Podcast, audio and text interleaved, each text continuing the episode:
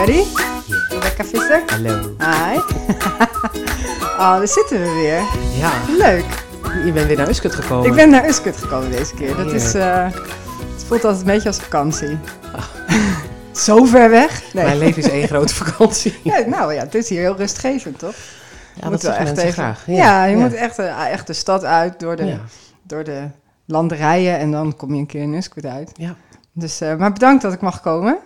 Weer. Jij altijd. Ja, dank. En we hadden een leuk plan. eh, Ja. ehm, namelijk ehm, een podcast maken over het vaginaal touché. Ja. Toucheren, inwendig onderzoek. Ja. En eh, volgens mij is die een beetje ontstaan eh, naar aanleiding van onze vorige podcast met Marijn er ook bij. Hè? Ja. Ehm, die ging over het- de dynamiek van het bekken. Dus, Mhm. en, en daar nemen we altijd allerlei zijsporen. Ja. En eh, daar was het eh, inwendig onderzoek eh Ja. en zijspoor van. Hè? En Ja. toen zeiden we al, of, of daarna, of ik weet niet of we tijdens de podcast al zeiden, of daarna van, oh, eigenlijk kunnen we wel een hele podcast wijden aan inwendig onderzoek. Volgens mij kwam er tijdens die podcast kwam het even aan de orde dat er zo'n verschil kan zijn tussen hoe je een inwendig onderzoek uitvoert. Of iemand op de rug ligt of Ja, dat je precies. er laat zitten. Ja, En dat je dus ehm, ziet dat we een bepaalde manier van gewenning hebben. Ja, En dat je soms misschien kan zeggen van waarom doen we dat eigenlijk zo? ja, En dat vond ik zelf ook, dat ik dacht van, oh ja, want toen gingen we eigenlijk een beetje zo, zo'n zijpad op. En dan denk je, oh, dat is eigenlijk zonde om daar niet nog wat uitgebreider over door te praten. Nee. Omdat dat dus wel, het verdient wel aandacht. ja, een leuk zijpad. ja nu wordt het onze hoofd, eh, hoofdpad. Hey, en eh, voor iedereen die ons nog nooit gehoord he- heeft, Mhm. eh, jij bent Rebecca, verloskundige en ja, onderwijzeres. Toch? Ja. Je geeft veel Ik geef eh, scholingen. Ja, over verloskundige gerelateerde onderwerpen. En ik ben verloskundige eh, Joyce Schouten uit eh, Groningen. En wij doen dit al een tijdje. Ja. Maar dit onderwerp hadden we inderdaad nog nooit, hebben we nog nooit besproken. Hij is dus inderdaad wel zijdelings voorbij gekomen. En Ja. ja, Ehm, ja toucheren. Dus dat is hoe wij het in, eh, gewoon eh, hoe wij het noemen. Hè? Dus eh, Toucheren. de meeste vrouwen weten wel, wel ook wat het is. En mannen ook wel. Maar het is inwendig onderzoek. Ja. Wil, jij me de- wil jij nog even een soort, als een soort woordenboek omschrijven wat het, wa- waar het voor staat? Waarom we het doen? Nou, ik heb wel eens een lijstje gemaakt met redenen waarom je een inwendig onderzoek zou Mhm. doen. En die is best uitgebreid. Ehm, hè, op het moment dat je, als, als, als je als verloskundige voelt naar eh, wat er is er aan de hand daarachter in iemands vagina. Eh, wij zeggen officieel vagina, maar ik zal nu Ja. maar vagina zeggen, want dat is volgens mij een gebruik, gebruikelijker eh, klemtoning. Ja. Ehm, dat je dus eh, dat je dat oftewel voordat iemand gaat bevallen doet om iets te kunnen zeggen over eh, hoe eh, lijkt het er al een beetje op dat iemand gaat bevallen, een soort van glazen bol werk. Ja. Soms doe je het om inderdaad te kijken of je iemand een handje kan helpen om te gaan bevallen, door dat noemen we dan strippen. Mhm. Ehm, daar moeten we maar een aparte podcast eh, over Ja. maken. denk ja, dat is een goeie. En eh, tijdens een bevalling kunnen er natuurlijk redenen zijn. Bijvoorbeeld als je wil weten, ligt het hoofdje wel beneden? Of, eh, of zijn er toch billen per ongeluk? Ja. Wat natuurlijk zou kunnen. Of ehm, eh, als bijvoorbeeld bij een bevalling, stel iemand wil thuis bevallen, maar ze heeft het toch te moeilijk met het opvangen van de weeën en er is pijnbestrijding nodig. Eh, kan dat dan nog? Want dat is eh, afhankelijk van in welk ziekenhuis, in welke regio Ja. je zit. Maar als je bepaalde vorderingen hebt tijdens de bevalling, dan kan dat gewoon niet meer. Nee. Of als je denkt, ik, ik vertrouw het niet met die baby, is hij er al bijna of niet? Dan doe je ook een inwendig onderzoek. Het is eigenlijk altijd om informatie te vergaren, toch? Dus om te kijken. En hij, hij is vaak wordt hij toch gelinkt aan ontsluiting. Ja. En terwijl wij natuurlijk naar meer voelen dan alleen de ontsluiting. Maar volgens mij is het meeste bekend dat je, als je wil weten hoe ver je ontsluiting hebt, dat je daarvoor Ja. inwendig onderzoek nodig hebt. En dat is ook, want eigenlijk is nou, waar de dingen die ik nu allemaal opnoem, dat zijn ehm, redenen om een inwendig onderzoek te doen die zeg maar tijdens het proces aan de orde kunnen komen. En eh, een van de dingen waar ik zelf ook, ehm, als ik eh, een, een nascholing geef over het begeleiden van bevallingen, ehm, uitgebreid aandacht aan besteed, is dat er juist in de afgelopen 75 jaar een, nieuw, eigenlijk een nieuwe manier van inwendig onderzoek doen bijgekomen is. En dat gaat ook over ehm, het, het bijhouden van de vordering van een bevalling. Ja, het bepalen van progressie noemen we dat dan. Ehm, en daar zie je dat, dat dat sinds de jaren 50 van de vorige eeuw. ehm, dat daar ineens een, eh, een shift eigenlijk heeft plaatsgevonden. Mhm. Waarbij, want er werd natuurlijk ook voor de 20e eeuw ook inwendig Ja. onderzoeken gedaan. Als je, eh, ik, ik, ik, ik heb een beetje een. eh, voorliefde voor het bekijken van oude obstetrische literatuur uit de, eh, de 18e eeuw of de Ja. 19e eeuw. En daarbij zie je dus inderdaad dat het inwendig onderzoek altijd wordt beschreven en ook de indicaties waarvoor, et cetera. Maar één ding wordt daarbij nooit beschreven en dat is dat, dat je het volgens protocol doet of dat je het volgens hè, dat het een, een vast onderdeel is van het begeleiden van een, eh, van een bevalling. En hoe wordt het wel eh, beschreven? Of, Nou? Puur op, op indicatie. Dus hè, Ja. je, eigenlijk kan je, eh, dat is ook weer, ik hou van die uitspraak, die heb ik ooit van een collega gehoord, maar dat je dus dat ons werk eigenlijk heel simpel is. Of de baby komt eruit, of de baby komt er niet uit. Komt de baby eruit, dan hoef je in principe niks te doen. Dat is in 9 van de 10 gevallen zo. En soms komt de baby er niet uit en dan wil je weten waarom niet. Mhm. En dan kan een inwendig onderzoek kan, eh, eh, uitkomst bieden. Bijvoorbeeld als je eh, bij een inwendig onderzoek voelt dat de baby niet netjes met het achterhoofd naar de voorkant van de moeder gedraaid is, Mhm. maar met het achterhoofd naar de achterkant van de moeder gedraaid is. Wat we dan een- in de volksmond een sterrenkijker noemen. Ja.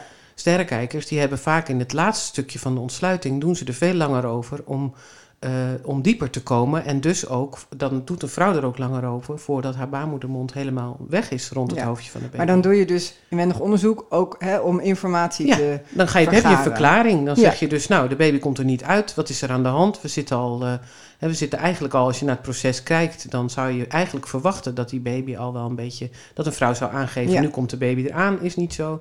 En eh, dan kan je met behulp van een inwendig onderzoek kan je zeggen, oké, dit is wat er aan de hand is. Ja. Eh, Of je het daarmee op kan lossen is nog weer een volgende, maar het kan wel degelijk hè, Ja. belangrijke informatie bieden. Ja, maar met, en, en met die indicatie of Ja. met die reden werd, z- zeg jij, werd er eerder Ja, heel veel gedaan. Ja, hoor, zeker. Ja. Dus inderdaad wel bij... eh, ik- ik denk dat, dat een inwendig onderzoek ehm, zeker niet standaard gebeurde. Nee. Ehm, en dat het heel erg samenhing met...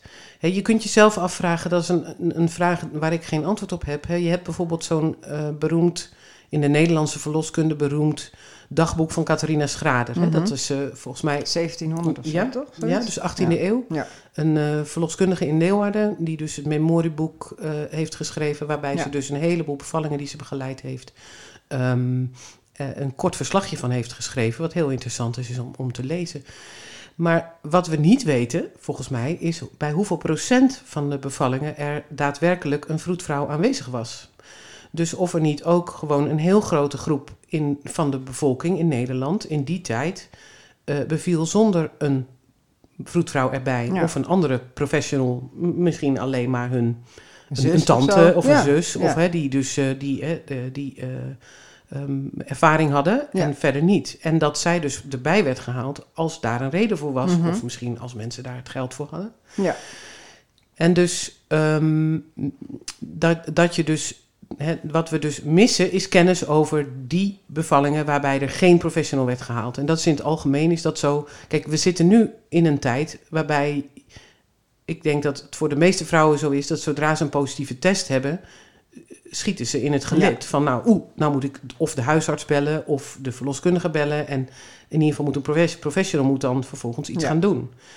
En dat is bij bevallen net zo. Weet je, als een vrouw gaat bevallen, dan is er een volgens mij echt diep gewortelde overtuiging bij vrouwen dat daarbij hoort dat er een inwendig onderzoek gedaan wordt. En dat is natuurlijk in de praktijk. Ja, of in ieder geval zo. dat er een professional bij is. Ja, Hè? Dus maar dat, die jou eh, gaat toucheren ja. om dus te kunnen, om dus überhaupt iets te kunnen vaststellen over het proces. Ja, nou ja, goed, als je kijkt naar hè, eh, eh, wat zijn nou als eerste lijnsverloskundige mijn tools die ik heb om een proces te bewaken, de conditie van de baby te bewaken en de conditie van de moeder. Mhm. Dat zijn natuurlijk niet superveel dingen. Ik bedoel, Nee. ik heb wel een auto vol met spullen, maar dat is vooral voor als er dingen anders gaan dan gangbaar. En dus Ja. voor bij nood.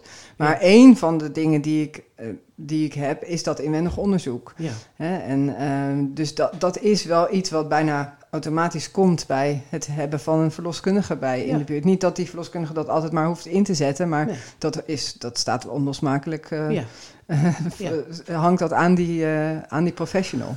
Toch? Zeker. Ja. Ja. Ja, Nou ja, en het is ook in ieder geval in Nederland, en dat zeg ik er specifiek bij, omdat ik dus inmiddels, omdat ik dus een aantal jaren al bezig ben met het geven van schoningen, me ook wat meer verdiept heb in Mhm. andere we- west, verwesterse, westerse landen Ja.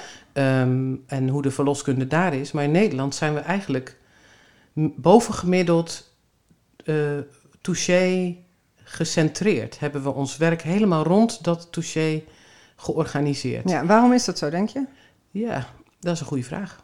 Ehm, en dat, dat, daar kan ik eigenlijk, ik kan wel zeggen wat ik, wat ik daarover denk, maar dat is natuurlijk niet, dat, dat is gissen. Ja, ja. Het is een bepaalde cultuur die ontstaat, waarbij ik denk dat het, met, dat het deels door hoe we ons werk georganiseerd hebben, dus dat dat, eh, hè, Ja. want uiteindelijk als je het gaat afpellen, komen toch wel heel veel touches op efficiëntie aan. We hebben bijvoorbeeld, ik heb bijvoorbeeld als, als het gaat over de vraag van welke, welke inwendige onderzoeken vinden verloskundigen lastig om niet te doen. Stel je hebt een Ja. cliënt en, die, en die geeft van tevoren aan in haar bevalplan of eh, al pratend met haar in de zwangerschap dat ze eigenlijk dat inwendig onderzoek dat ze daar niet zoveel zin in heeft. Nee. Dan kan het zijn dat het iemand is die gewoon zegt, weet je, eh, ik wil het proces, eh, hè, ik ga ervan uit dat het een proces is wat de natuur zo geregeld heeft dat mijn lichaam dat in principe kan. En loopt het spaak, dan kunnen we altijd nog zien, maar daar hoeven geen standaard Mhm. interventies bij. Dat was ook in, in nog niet zo lang geleden, was dat voor verloskundigen een hele goede redenering. Maar wat je dus toch ziet, is dat verloskundigen dat tegenwoordig moeilijker volgens mij dan 25 jaar geleden vinden om dat los te laten. En met name, wat vinden ze dan het lastigst? Dat heet dan het uitgangstouché. Ja, Dus een eerste inwendig onderzoek, waarbij je dus een soort. eh, wat je gebruikt als een, als een kapstok, oh sorry, om de rest van je overall plaatje ehm, aan op te aan hangen. op te hangen. Ja. Ja. Een soort uitgangspunt. En dan is het ook nog, bedoel, niet, niet denk ik niet eh, onbelangrijk dat verloskundigen die in de huispraktijk werken, vaak tegenwoordig werken op een manier waarbij ze de, die, degene die dienst doet en die dus de bevallingen begeleidt, Mhm. vaak nog meer taken heeft. Dus is ze eh, s ochtends om acht uur bij iemand die inderdaad aan het bevallen is, maar je denkt, ja, nou, ze oogt wat we dan noemen beginnend in partu, dus een beetje aan het begin van het Ja. proces. Ehm, dan is het toch zo dat daar eh, van, van die dienstdoende wordt verwacht dat als ze daar nog weg kan, dat ze dan nog even wat andere nuttige dingen Ja, het doen. is natuurlijk een van de weinige dingen die we hebben om, om eh, zeg maar, wat meetbaar is of zo. Hè? Wat natuurlijk, we we Ja. weten ook allemaal dat de hoeveelheid ontsluiting heel weinig zegt over het proces aan zich. Ja. Want iemand kan eh, drie centimeter hebben en een uur later een baby. En iemand Ja. kan al, eh, al- al twaalf jaar over die drie centimeter doen. eh nou, Ja. twaalf uur, niet twaalf jaar, dat is wel heel zielig. hè. Ja, twaalf uur. Maar en we weten allemaal dat dat cijfer wat je meet bij, bij, het, bij, of bij het checken van de ontsluiting, dat dat het niet. Eh, het zegt alleen wat over wat er tot dan is gebeurd. Ja, Hè? En het geeft dus echt heel weinig eh, voorspellende waarde over de rest van het verloop. precies. Maar meer dan dat hebben we ook niet. nee, Hè? Behalve eh, ja, kijken wat voor soort weeën het zijn en het daar een beetje aan af laten hangen. Maar ook daar zijn we allemaal wel eens ingestonken. Hè? Dat je daar bij iemand binnenkwam en dacht, zo, nou, die heeft zo direct een baby, zit tegen persdrang aan. En dat dan de ontsluiting helemaal nog niet zo ver gevorderd nee, bleek te zijn. Of andersom, dat je denkt, nou ja, dat eh, stelt allemaal nog niet zoveel voor. En, eh, ja, en dan had ze er al acht of zo. Hè? Dus Ja. wat dat betreft is het natuurlijk maar een van de weinige tools die we hebben om daar een beetje nog duiding aan te geven. Aan, aan waar zitten we in het proces.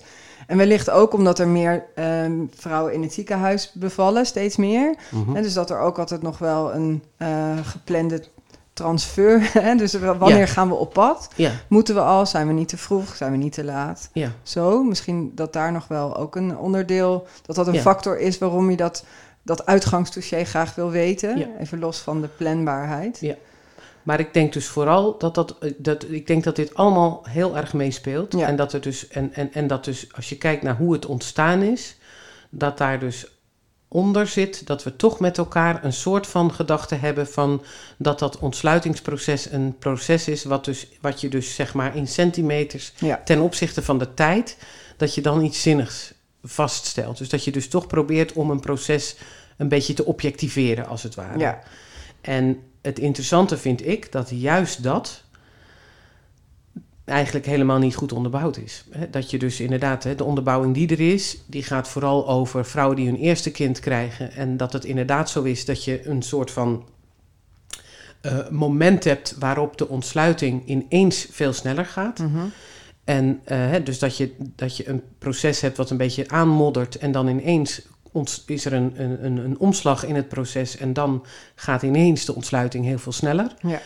En er werd altijd gezegd dat dat zeg maar ergens tussen de 3, 4 centimeter ontsluiting, dat dan ineens de, de actieve fase begon. Mhm. En inmiddels weten we al dat dat in ieder geval niet klopt. Dat je beter inderdaad kan zeggen van onder de 5 centimeter uh, kan alles nog weer afzakken. Dan wel kan je nog helemaal geen voorspelling doen over hoe lang het nog Nee. gaat duren. En Terwijl daarna kan het opeens heel snel En gaan. daarna wel, Hè? precies. Ja. Maar, Maar- want jij bedoelt, wa- wa- Ja. wat bedoel je met er is geen onderbouwing voor, voor het doen van een vaginaal touché, bedoel Ja. je? Ja. Voor, het, voor het doen van een standaard vaginaal Ja. touché. Dat, dus je kan... Het is natuurlijk lastig met onderbouwen. Je hebt be- bepaalde redenen. Als, als je verwacht dat er een baby uitkomt... Hè, je hebt iemand die uitwendig... dat je denkt, wow, die krijgt zo persdrang. En ze krijgt geen persdrang. Ja. En ehm, kijk, is het, dan, is het dan zo dat je denkt... nou ja, weet je, zij maakt het goed... en er is verder niet zoveel aan de hand... Eh, dan, dan kan je nog steeds zeggen: heb je een harde reden om een inwendig onderzoek te doen? Nou, volgens mij niet. Maar op het moment dat je wel zelf toch denkt: hé, hey, maar wat ik uitwendig zie, dat klopt. Hè, ik, ik wil dit, ik, ik denk toch, hm, wat gebeurt hier nou? Ja. Dan kan je wel degelijk zeggen: op het moment dat je dan een inwendig onderzoek doet, levert dat je informatie Mhm. op die waardevol is. Ja. Dat geloof ik wel. Ja. Dat hoef je, wat mij betreft, ook niet te onderzoeken.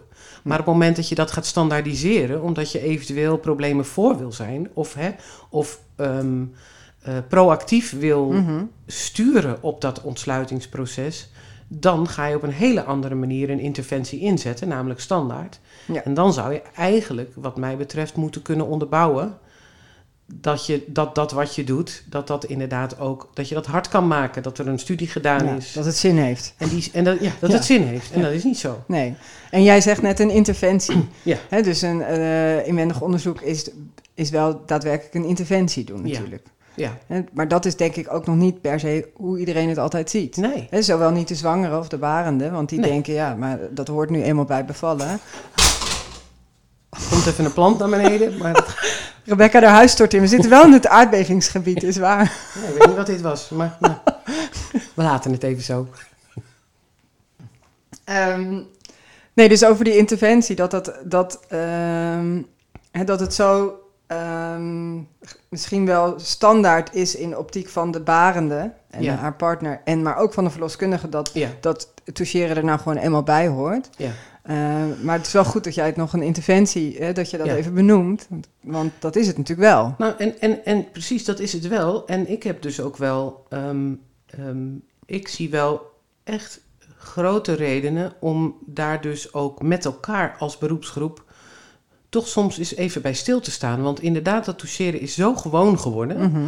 Ehm, dat dus, dat, ik heb dus door de jaren heen ook echt geregeld, als je met vrouwen praat eh, die hun eerste kind verwachten en over de voorbereiding na de geboorte van hun kind toe.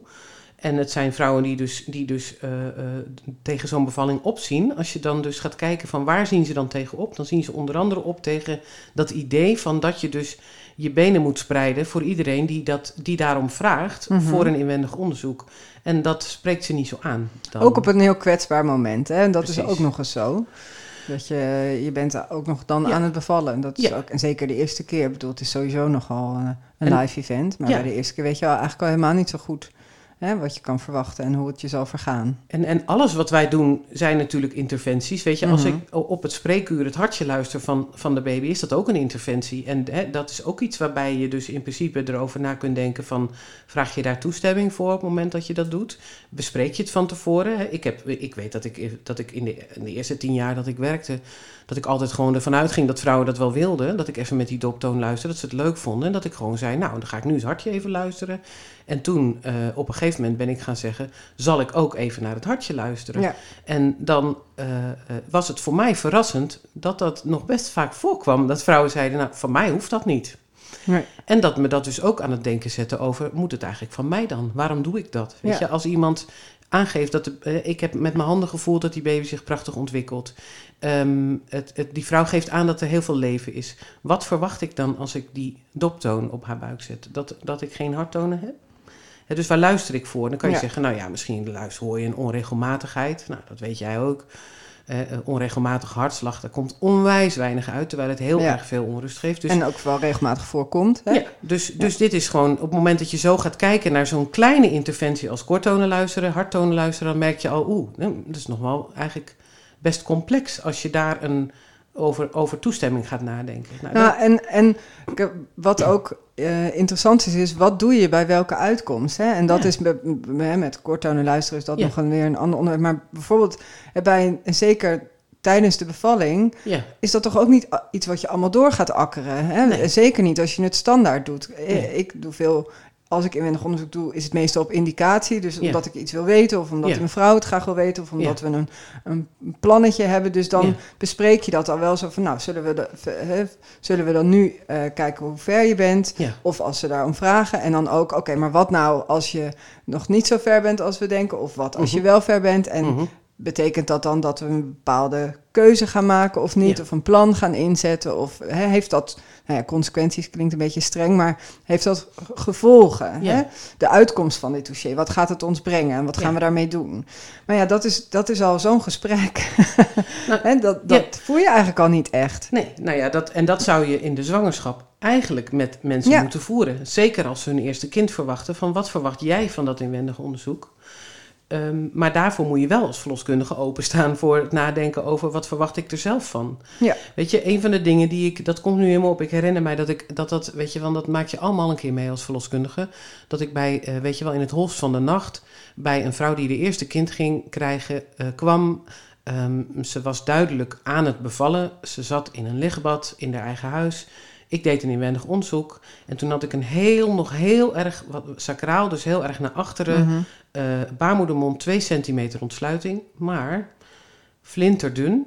En het hoofdje van de baby zat echt al diep, echt al richting Hodge 3. Um, ik ben toen weer weggegaan, want 2 centimeter ontsluiting. Moet er nog Midden in de nacht, ja. super moe, weet je wel, gewoon drukke praktijk. Ik, eh, elk uurtje slaap wat ik in mijn bed kan pakken is er één. Terwijl ergens heb ik heus wel gedacht. Ik weet namelijk dat zij het moeilijk vond dat ik wegging. En dat ik mhm. heb gezegd: joh, maar anders bel je me gewoon weer als het niet gaat. Maar wel weggaan.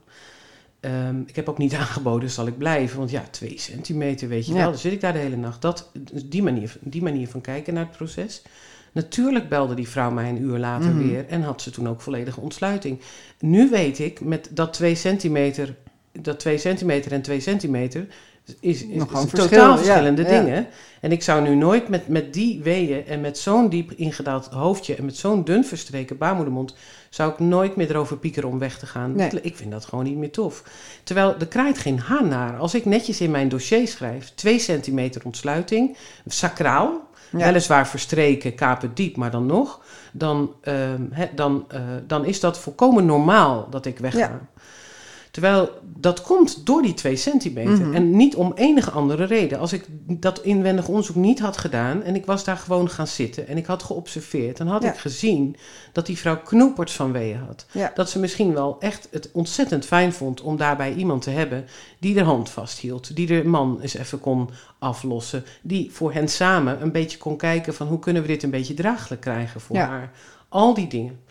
Ehm, terwijl Ehm, eh, op het moment dat je dan aan verloskundigen die wat, die wat ervarener zijn gaat vragen, als je puur het uitwendig beeld aan ze beschrijft, ja. dan weten ze allemaal hoe laat het is. Dus je weet als verloskundige ergens, heus wel, dat er andere dingen zijn die net zo waardevol zijn. En dat gebruiken we dan dus alleen als we dus, hè, dat, dat je op het moment dat het omgekeerde, dat je dus ehm, ehm, hè, soms dan denk je, deze mevrouw heeft wat begeleiding nodig. En niet dat objectiveren van die ontsluiting. En dan, dan gebruiken verloskundigen dat argument wel. Hè? Vooral bij een overdracht, dat ze dan dus met elkaar een beetje kunnen lachen om een onervaren collega. die dus inderdaad 5 centimeter heeft getoucheerd. en die dan gaat lopen prutsen met het infuus. Uh, en, niet ziet dat inmiddels al een segment van het hoofdje zichtbaar is. Ja. Want ze had nog maar 5 centimeter. Ja, ja. dus Ehm, dus dan gebruiken we datzelfde argument, maar dan ineens. Ik maak het een beetje moeilijk, maar ik hoop dat het duidelijk is waar het om gaat. we weten dus allemaal dat dat. Ja, maar die behoefte om dus te objectiveren op grond van centimeters, daarvan weten we volgens mij eigenlijk wel dat het niet klopt. Ja. Nou, en ik denk dat, kijk, dat is eh, ik denk dat je terecht punt hebt dat het ook een beetje gaat om je, hoeveel kilometers heb je gemaakt als vroedvrouw. Hè? Hoe meer bevallingen je ziet, hoe meer je. Kijk, iedere verloskundige kan echt, denk ik, op zicht. Hè? Ja. Dus op, op- met zintuigen, de geluiden die de vrouw maakt, de bewegingen die ze maakt, de haar houding, eh, het soort weeën kan je volgens mij, kan iedere vroedvrouw dat eh, al ergens categoriseren als je daar naar kijkt. Hè? Dus Ja. dat je zegt, nou, dit is een mevrouw, ik bedoel, een hele he- hevige impartu mevrouw die heel hevig aan het bevallen is, is te herkennen. Dat herkent iedereen wel. Ja. Eh, en iemand die niet aan het bevallen is, dat herken je. Maar ook dat stuk daar tussenin. Ja. Volgens mij kom je echt al wel een heel eind. Maar ik kan me voorstellen dat daar een beetje eh, ervaring voor nodig is en een beetje Ja. zelfvertrouwen. En als je dan een keer een partus hebt dat je helemaal ernaast zit, dan, Mhm. dan schiet je weer even een beetje terug in je. Van ja, de vorige keer dacht ik ook dat die mevrouw er bijna was. Ja. Ja. en toen had ze het pas drie en zaten we er allemaal naast. En ik had al tegen haar gezegd, joh, het gaat hartstikke goed, je bent er bijna. Hè, dus dat is ook een beetje, wat zit er in je rugzak en hoe goed durf je daar al op te vertrouwen. Maar het zijn ook, denk ik, de zwangeren zelf die vaak behoefte hebben aan antwoorden. Hè? Of Ja. de barende. Dus, Ja. eh, maar hoe lang moet ik nog? Hoe ver ben ik nog? Ja. Kan ik nog iets tegen de pijn? Maar ook Eh, daarbij missen we dus onderbouwing. Want daarbij zie je dus ook, vrouwen willen dus, en, en, dat, en daar weten hè, verloskundigen worstelen daar ook mee. Want soms dan zie je uitwendig prachtige progressie. En dan zegt zo'n vrouw, ja, ik wil eigenlijk ook wel nu weten hoe ver is het eigenlijk. Mhm. Terwijl je dan misschien wel een tegenvallend eh touché hebt, Mhm. in, op, als je het in cijfers bekijkt.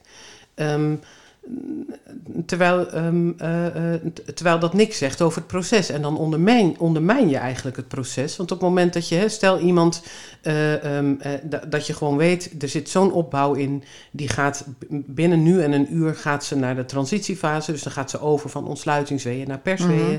En dat zie je, hè, soms kun je dat gewoon zien, Ja. uit de verte zien aankomen. Maar dat is wel het moment waarop een vrouw zelf dus de pittigste weeën moet, moet opvangen. Dan doe je een inwendig onderzoek en heb je 5 centimeter. Vrouwen weten dan, denken dan bij zichzelf: oh ja, ik heb op de cursus of in het boek of wat dan ook geleerd, het is ongeveer 1 centimeter Ja. per uur. Ja. Dan denken ze: oké, dus kak, dat duurt dus nu nog Moet ik 5 nog uur. vijf uur dit doen? En dat haal ik niet. Nee. Dan moet je dus praten als brugman door te zeggen, maar zo zal het niet gaan. En dan kan je inderdaad zeggen, nou dan doe ik een inwendig onderzoek en dan steek ik mijn duim op, weet je wel. Want dat kan je dan, hè, van eh, sommige verloskundigen zeggen, ik, ik doe dan wel een inwendig onderzoek, maar ik verbind er geen centimeters aan. Ik zeg gewoon goed of ehm, moet nog wel wat gebeuren, zoiets. Ja. Maar ja, dan kan je dus ook denken, maar waarom doe je dat dan überhaupt? Ja. Eh, ehm, hè, dus, dus zou je dan als verloskundige niet beter met elkaar kunnen zeggen: misschien moeten we. Moeten we hè, want op het moment dat je. Jij gaf een klein voorbeeld van. Het kan bijvoorbeeld zo zijn dat je denkt uitwendig: er komt Ja. een baby aan. En dan zit je daar een halve nacht naast. En doe je een inwendig onderzoek. En dan is er niks aan de hand. En dan baal je. En toch denk ik dat als je dat een aantal keer meemaakt. dat je andere kleine signalen leert. die je anders niet zou opvallen. Dus dat je dus toch op een andere manier kijkt naar dat proces, wat je dus interpreteert als wow, er komt een kind aan. Ja. En dat je dan dus op het moment dat je daar een aantal keer op je bek gaat, dat je dus naar andere kleine dingetjes kijkt, dat je, nee, dat je dus al veel sneller, bij wijze van spreken Ja. na een uur dat je ernaast zit, dat je denkt, hmm, Ja, de, als, je, als je blind bent, dan Ja. ga je nog beter horen. Dus Ja. als je geen touché zou gebruiken, Precies. ga je nog Precies. meer verzamelen om te kijken Ja. of je er toch duiding aan kan geven. Nou, niet duiding, maar in ieder geval kan inschatten waar een processen is. En, en dus zou dat wat mij betreft, als je dus kijkt naar, als je dat toucheren een plek geeft, dat je zegt, toucheren heeft absoluut een plaats in mijn werk. En ik vind het ook belangrijk om dat eh, goed te kunnen doen.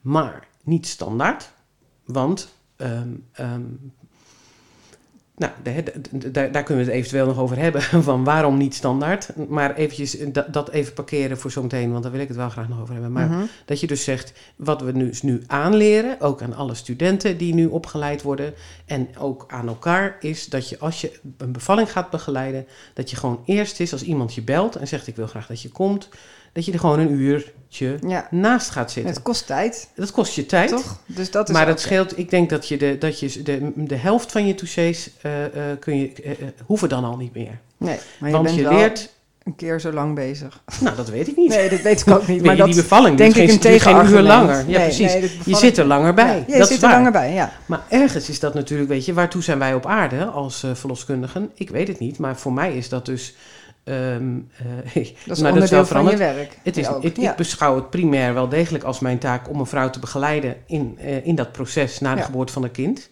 Maar het is niet per se zo, zo sec als dat ik haar van de kind af moet helpen. Hè, dus het is niet mijn taak om ervoor te zorgen dat dat proces zo snel mogelijk gaat. Dat is het alleen als iemand aan mij aangeeft dat Ja. dat de bedoeling is. ja, precies. Maar als je aan vrouwen vraagt, wat wil je? Hè, als een vrouw de eerste keer zeven uur over de bevalling heeft gedaan en de tweede keer een, een uur, dan zijn die vrouwen meestal niet per se tevredener over die tweede bevalling die een uur duurde. Nee. Hè, Want het snel is Ja, niet dus altijd harder, goed. harder voor gewerkt. Ja. Ja. Hè? Hey, en Rebecca, nog Ja. even terug, want je sneed het net al aan. Waarom niet standaard? Precies. Omdat het, omdat het onaangenaam is. Ja. Even gegeneraliseerd. Natuurlijk zijn er vrouwen die zeggen: Oh, maakt mij niet uit, ga je gang. Mhm. Ehm, maar ehm, wat we weten, hè, want daar is dus wel onderbouwing voor. Als je aan vrouwen vraagt, wat, wat hè, bedoel, los van of het nodig is, ja of nee. Want hè, vaak denken ze dat het nodig is, maar daar hebben we het Mhm. al over gehad. Dat, is dus, dat valt- kunnen we eigenlijk niet bewijzen. Maar als je aan ze vraagt, wat vind je ervan? Dan komen ze altijd met termen als disempowering, pijnlijk, gênant. Ja. Ehm, en er is een, een, een hele duidelijke link te leggen tussen eh, trauma en inwendige onderzoeken. Dus kennelijk is het nogal wat voor vrouwen. Zeker als er meerdere verschillende mensen een inwendig onderzoek doen, dan doen we nog wel eens een beetje van, hè, we, hebben allemaal onze professionele jas aan. Ja. En dus zijn mijn vingers en vervolgens een halve dag later jouw vingers zijn gewoon professionele vingers en Mhm. niet per se van een ander individu. Dat is leuk bedacht, maar zo werkt het niet. Dus door hoe, hoe meer vrouwen, hè, als een vrouw door meerdere mensen tijdens haar bevalling inwendig wordt onderzocht, dan doet dat iets met haar. Ehm, waarvan we eigenlijk nog maar het topje van de ijsberg weten van hoe beschadigend dat potentieel is.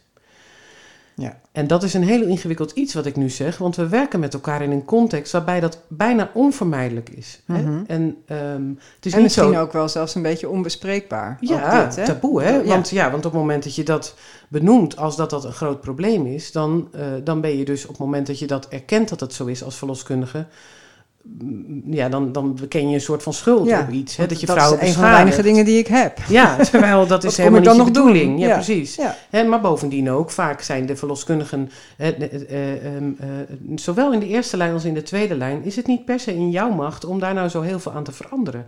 Hè, als je bijvoorbeeld kijkt naar.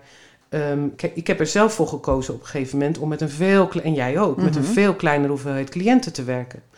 Dat gaat onder andere hierover, toch? Dat je Ja. dus, voor mij is dat een belangrijk onderdeel van, ik wil niet niet een, een, een schakel in een ketting zijn, waarbij je dus eh, waarbij je heel veel verschillende collega's op één bevallende vrouw loslaat. Ehm, maar, maar, ehm, eh, maar ik zie ook wel dat als je kijkt naar hoe onze norm is opgesteld, dat het heel, dat het, en, en ook hoe we ons werk georganiseerd hebben, dat je als verloskundige dat niet altijd zo makkelijk kan zeggen. Ja, ik kon het makkelijk doen. Ik Ja, had lage goed. kosten, mijn kinderen waren groot. Ja, de praktijk is natuurlijk dat, eh, dat, eh, dat het gros van de, de verloskundige praktijken groepspraktijken zijn. Precies. Hè? En ook in de, in, de, in de ziekenhuizen, daar heb je acht uursdiensten. Dus Nou ja, nou, en als je een lange bevalling hebt, dan heb je meerdere... Er worden zoveel vrouwen verwezen tijdens hun bevalling. Ja, dat sowieso 70% van de kinderen wordt aangepakt door klinisch verloskundigen tegenwoordig. En die werken in een context waar zij helemaal niet de macht hebben om dit te bepalen. Nee. Dus dus die, met een beetje geluk hebben ze, is het een keer rustig op de afdeling, hebben ze één cliënt. Ja, En dan kunnen ze er rustig eens een uurtje naast gaan zitten. Maar de, de realiteit is doorgaans dat er meerdere vrouwen tegelijk hun zorg nodig hebben. Dus dan kun je dat wat je nodig hebt om dat toucheren achterwege te laten, kun je niet eens doen. Nee. En je kunt die continuïteit niet bieden. Dus dat waar, waar, en dat is je in jouw weet dat het wel echt nodig om... ehm, hè, dus je, je hebt wel die continuïteit nodig om minder te toucheren. Absoluut, Ja. absoluut. Want om, als, je, als je dat toucheren... eh, Overigens is dat niet helemaal waar. Want ehm, ik, ik denk namelijk zelf echt oprecht... dat ehm, als je dat gestandaardiseerd, gestandaardiseerd niet meer doet... dat het echt niet zo is dat er minder kinderen Nee. geboren worden. Maar het vraagt Of wel meer meer... gedoe, of meer pathologieën, want dat is misschien nog ook een aanname Ja. die we doen. Hè, dat als we Nee. niet goed het proces bewaken, Ja. dat er daardoor meer eh, ellende, meer Nee. eh, pathologie ontstaat. Ja, ik weet dat niet. Bottomline weet ik het niet, Nee. want het is niet onderzocht. Nee. Maar ik kan je wel zeggen dat dat dus inderdaad vanuit mijn... Hè, vanuit, het is heel flauw om dan mijn eigen ervaring te benoemen, maar wel er zijn meer collega's zoals ik en volgens mij jij ook, waarbij je dus op een andere manier bent gaan kijken naar dat toucheren. Weet je, als ik nu naar mijn eigen dossiers kijk van tien jaar geleden of vijftien jaar geleden, joh, het is geregeld binnen een kwartier. Nadat ik binnenkom, heb ik mijn vingers al in de vagina van die vrouw zitten. Ja. Ehm, dat was, en dat was niet omdat ik, omdat ik zo graag wilde toucheren, maar omdat ik dacht dat dat de bedoeling was. Ja. Dat het ook van mij verwacht werd, ook door die vrouw. Um, en dat is dus ook vaak zo. Dus, maar op het moment dat je dan gaat kijken van, van oké, maar het is een interventie die belastend is. Vrouwen vinden het niet prettig. Bovendien mhm. is je niet te onderbouwen dat het leidt tot betere uitkomsten. Zouden we niet eens uh, inderdaad kunnen kijken van kunnen we niet een beetje, uh, uh, een beetje voorzichtiger zijn met die grote interventie. Mm Weet je, als je gewoon even nadenkt over wat het is, dat je met je vingers iemands vagina ingaat, dan is dat niet dat, dat is niet net zoiets als eventjes een bloeddruk meten. Of het is gewoon een hele invasieve handeling. Het is een ontzettend intiem gebied mhm. eh, in onze cultuur. Uh, nu ook, volgens mij is het ook alleen maar beladener geworden of zo in onze cultuur. Uh, ja. Dus nou ja, behalve, ja, behalve dus als het gaat over bevallen. Ja. Hè, daar, daar is het nog steeds gewoon een, een heel normaal onderdeel dat dat erbij hoort. Precies, ja. Ik had, vorige week gaf ik een scholing aan klinisch verloskundigen en daar had één een verhaal. En dat was echt super schrijnend over een vrouw die ingeleid werd en waarbij al zo vaak een inwendig onderzoek was gedaan. Dat die vrouw echt zeg maar zo'n beetje, nou ja, met hè, de, de, de benen alweer wijd deed zodra er weer iemand binnenkwam. En dat is. Dat dus dan zijn we toch een beetje geconditioneerd. Ja, nou ja, dat ze dus al helemaal, maar ook afgestomd. Want dat is dus, weet je, dat, dat kan je volgens mij als vrouw alleen maar doen als je dus helemaal afhaakt op je fysieke sensatie daarbij. Dat je dus inderdaad denkt, dit is. En dat is ook wat vrouwen omschrijven. Hè? Als ze getraumatiseerd raken door een bevalling, dan voelt het daarna alsof hun onderlijf niet meer van hen is. Dat is publiek bezit geworden, als het mhm. ware. En dat is ontzettend schadelijk voor mensen om dat mee te maken. En dat is iets. Ik wil daar gewoon geen geen uh, um, medeplichtige aan zijn. Nee, nou ja, en we, moet, en we moeten het er met elkaar dus over hebben. Hè? Dus even los van hoe je jezelf als verloskundige ja. uh, opereert. Nou ja, dat je, dus, dat je dus durft om met elkaar te praten over, moet het echt? Ja, en, en hoe zinvol is het? Ja, en als dan het antwoord is, nou ja, weet je, eigenlijk hebben we dat niet eens goed onderzocht dan zou het mijn voorstel zijn om dat eens even te gaan prioriteren. Om eens een hele grote, mooie studie te maken. Waarbij je dus inderdaad, um, dat, dat zou je bijvoorbeeld in een klinische setting kunnen doen. Dat je, een, dat je dat, als je dat mooi opzet, dat je dus vrouwen counselt in de zwangerschap over dat je een studie doet. Waarbij je de uh, durante partu tijdens de bevalling randomiseert. De ene mhm. groep doe je het normale beleid volgens protocol toucheren. En het andere doe je alleen op indicatie toucheren, waarbij je heel scherp formuleert wat de indicaties zijn. En dan kijken naar het verschil in uitkomst. En dan mag het, uh, het verzoek van de vrouw mag heus wel tellen als een touché. weet je, als iemand heel graag. Ik, weet je, als, het, als ik het net erover heb dat ik zelf dat standaard toucheren liever niet wil, of als ik denk uitwendig ziet het er prima uit. Als een vrouw dan zelf aan mij zegt: Ik wil graag dat je naar de ontsluiting voelt. Natuurlijk doe ik dat dan. Hè? Dat is niet. Ja het is haar ehm, ehm, proces. ja. Alleen, ik wil wel echt goed helder hebben waarom ze denkt dat dat toegevoegde waarde heeft. Ja. Maar dat is wel een, het is wel een valide reden. Ja. Maar weet je, als we dat zouden onderzoeken en je zou dus echt kunnen aantonen, oh ja, maar dat volgens protocol elke twee of elke vier uur toucheren, dat levert betere uitkomsten op, nou dan hebben we een zaak. Zou het ook nog iets te maken hebben met dat we in Nederland het hoogste aantal inleidingen van uh, Europa hebben? Dus dat er gewoon ook veel vrouwen kunstmatig aan het, qua proces bevallen?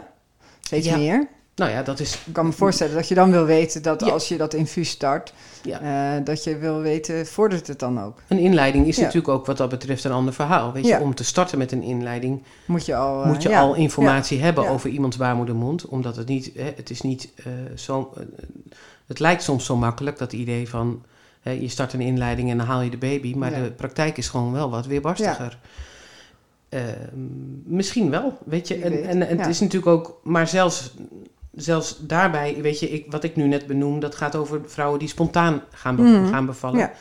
Maar zelfs bij een inleiding zie je dat er best nog wel wat controverse is over hoe zinnig is het om, um, um, om om al met een inwendig onderzoek te starten. Hè? Van maakt het voor je beleid iets uit? Stel je hebt iemands vliezen gebroken um, en het, het, het, de baarmoedermond voelde gunstig aan inleidbaar. En Mhm. je start met de oxytocine. En er is eigenlijk nog uitwendig nog heel weinig aan de hand. Ze heeft eigenlijk nog geen weeën. Heeft het dan zin om een inwendig onderzoek? Nou ja, dat is niet, daar is niet iedereen het over eens. Dus eh, Mm. ehm, eh, sommige mensen zeggen dan nee. Maar dan is het wel zinnig om na een aantal uren ook inwendig te evalueren over of er überhaupt iets gebeurt. Ja. En anderen zeggen ja, nee, als er uitwendig niks gaande is. Geen wee is geen ontsluiting. Nee, ja, precies. lijkt mij. Ja, nee. Geen wee is geen ontsluiting. Oké. Zou ik, ja, dat, dat, dat heb ik altijd geleerd. Want die kan is nog nooit gebeurd, maar mij eh, is het nog nooit overkomen. Precies. Oké, nou, Ja. food for thought, toch, Rebecca? Ja, toch? Ja, ik hoop dat iemand zich meldt eh, eh, om dat onderzoek te gaan starten. Nou, graag. RebeccaVisser.gmail.com, toch? Ja, klopt. En ehm, nou, thanks. We gaan. eh, oh ja, we, we hebben ook nog een, eh, nu weer een aanleiding voor een nieuwe, namelijk over strippen. Daar hebben, we, daar hebben we het ook even over gehad. Deal. Dat is dit, een is, eh, dit is eigenlijk, ik zit al praten denk ik, oeh, wat een groot onderwerp. Ja, dit is ja precies. Dus, maar we gaan hem nu wel eventjes. Als mensen naar aanleiding van dit verhaal nog specifiek dingen hebben, kom er maar mee. Kom maar. Dan praten ja, we door. we gaan door. Dankjewel, Rebecca. Ja, Fijne dag. Doei.